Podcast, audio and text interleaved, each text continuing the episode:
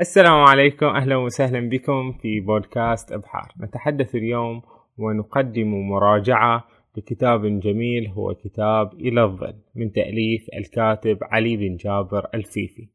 طبعا هذا الكاتب من أفضل الكتاب الذين يعني يكتبون الكتب الدينية القيمة وله غير هذا الكتاب كتاب لأنك الله وكتاب سوار أمي.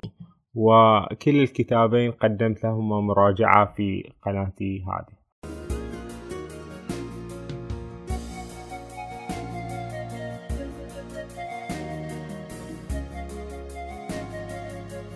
نعم إنه أخذ قصة النبي موسى كما وردت في القرآن والتقط عبارات بعض العبارات متكون من كلمتين بعضها من ثلاث فأخذهما كقوانين للحياة عموما.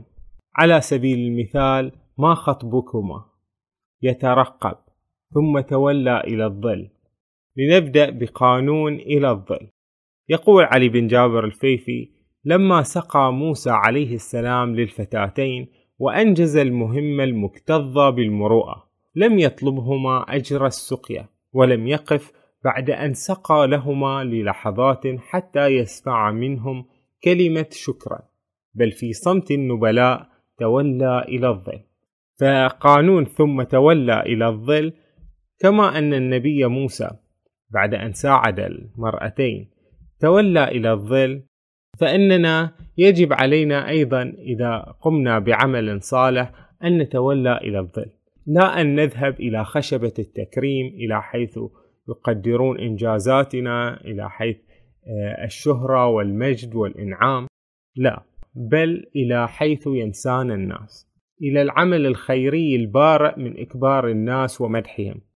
ولا شك أن المكوث في الظلال هو فرصة لتخليص النفس من شرورها.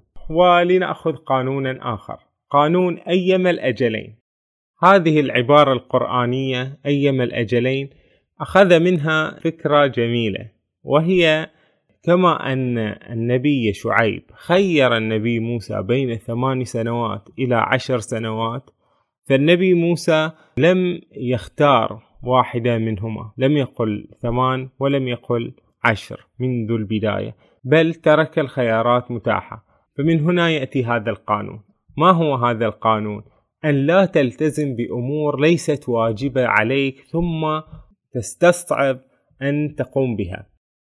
إذا أحد طلب منك شيء فأنت تقول ابشر حاضر أنا أقدر أسوي هالشيء وهكذا. ثم بعد ذلك يعني تحس أن أنت ما تقدر تسوي هالشيء فإذا كان عندك الخيارات وعندك السعة فلا تقطع الوعود منذ البداية. هذا اللي يقوله الكاتب. وننتقل إلى قانون آخر هو قانون امكثوا. النبي موسى عندما يعني رأى نارا فقال لأهله امكثوا. ويقال في بعض التفاسير أن امكثوا يعني عائدة إلى أهله الذين هم فقط امرأته فكان الجمع للتعظيم. على أي حال فمن هذه الكلمة فقط يستل قانونا حول يعني التعامل مع الأهل. أولا التعامل بالتعظيم هذا بالوقار. ثانيا أنه لم يعرض أهله إلى الخطر. فقال لهم امكثوا هنا. طبعا هذا من تأمل وفكر الكاتب. قانون إني آنست نارا حيث أخبر النبي موسى أهله أنه رأى نارا. فمن هنا يستل قانونا في التعامل مع الأهل أنه يجب أن تقول ماذا تريد أن تفعل ولماذا وما هو السبب. فهذا هو الأسلوب الأفضل بين الأهل هو وهو المصارحة. وننتقل إلى قانون آخر هو قانون هي عصاي. العصا يعني فلسفة وجود العصا عند النبي موسى.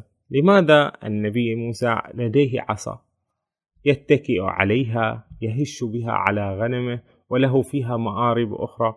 فمن هذه الكلمة يستخرج الكاتب قانونا يقول أن الإنسان لا بد له من عصا من متكئ يتكئ عليه. قد تكون هذه العصا شهادة تسنده سيارة بيت.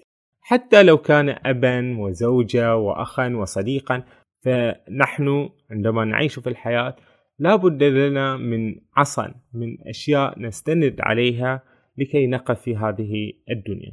وهنا ألتقط اقتباسا جميلا قاله الكاتب. اللقمة التي جعلها أبوك في فمك الابتسامة التي ظهرت على ثغر أخيك كلمة حيوه التي هتف بها أستاذك مبتهجا لتميزك القلم الذي أقرضك إياه صاحبك الريال الذي وضعه خالك في جيبك كل هذه عصي اتكأت عليها لتصل إلى ما أنت عليه الآن. بعد ذلك قانون ولي فيها مآرب أخرى. ماذا برأيكم يستفيد الكاتب من هذه العبارة القصيرة؟ ولي فيها مآرب أخرى. أتوقع تقدرون تطلعون هذا الشيء. ها عرفتون؟ يقول أن ولي فيها مآرب أخرى أنك تختصر آه، العصا مثلا لها استخدامات متعددة هالشيء وهالشيء. وبعد ذلك ولي فيها مآرب أخرى للاختصار.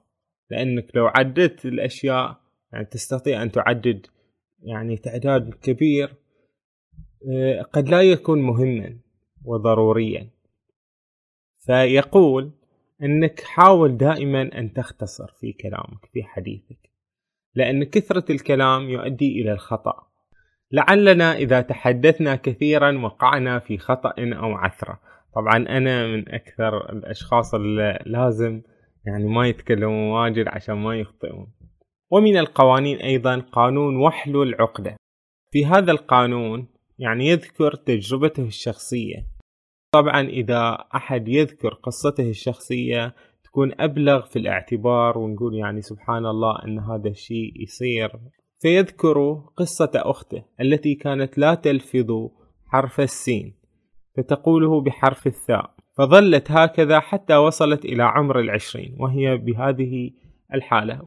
وفي ليلة من الليالي حاولت فقط أن تغير المكان التي تنطق منها حرف السين. ففجأة وبقدرة قادر استطاعت أن تنطق حرف السين صحيحا. وظلت هكذا طوال الليل تسبح تقول سبحان الله سبحان الله سبحان الله سبحان الله. فكان هذا التسبيح أيضا ترنيم بأن بأن هذا النعمة التي كانت يعني تخجل منها ويعني تحس بالألم تجاهها قد حلت وأصبح كل شيء على ما يرام كأن لم تكن هناك أي مشكلة. وهذا الدعاء وحل العقدة هو دعاء توجه به النبي موسى إلى الله عز وجل وهناك تفسيرات لهذه الآية الكريمة. ماذا آه، تعني تحديدا؟ فهناك من ضمن التفاسير أنا طبعا لا أرجح تفسيرا على تفسير ولكن فقط أذكر بعض ما يوجد في هذه التفاسير. وهي أن النبي موسى كانت لديه مشكلة بسيطة في النطق. فحلت هذه المشكلة بدعاء النبي موسى. وقد يكون الحق غير ذلك فلسنا يعني من أهل تفسير كتاب الله عز وجل. قانون بل ألقوا. أه نعرف أن النبي موسى لما كان مع السحرة فسألوه هل تريد أن تلقي ما لديك أم نكون نحن الملقين؟ فقال لهم بل ألقوا. وهذا يعني أن لا تستعجل. دع الآخرين يبدأوا.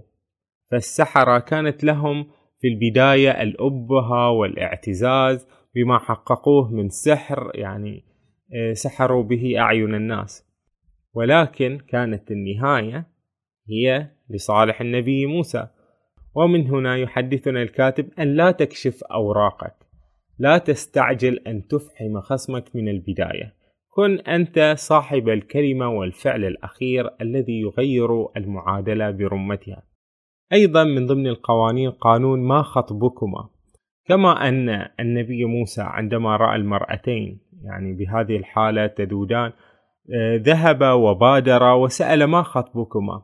مثل هذه الشخصية المبادرة يجب أن نتعلم منها قانون أن نذهب ونبادر في المساعدة في العمل الخيري.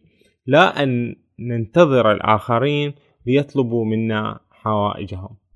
وقص عليه القصص.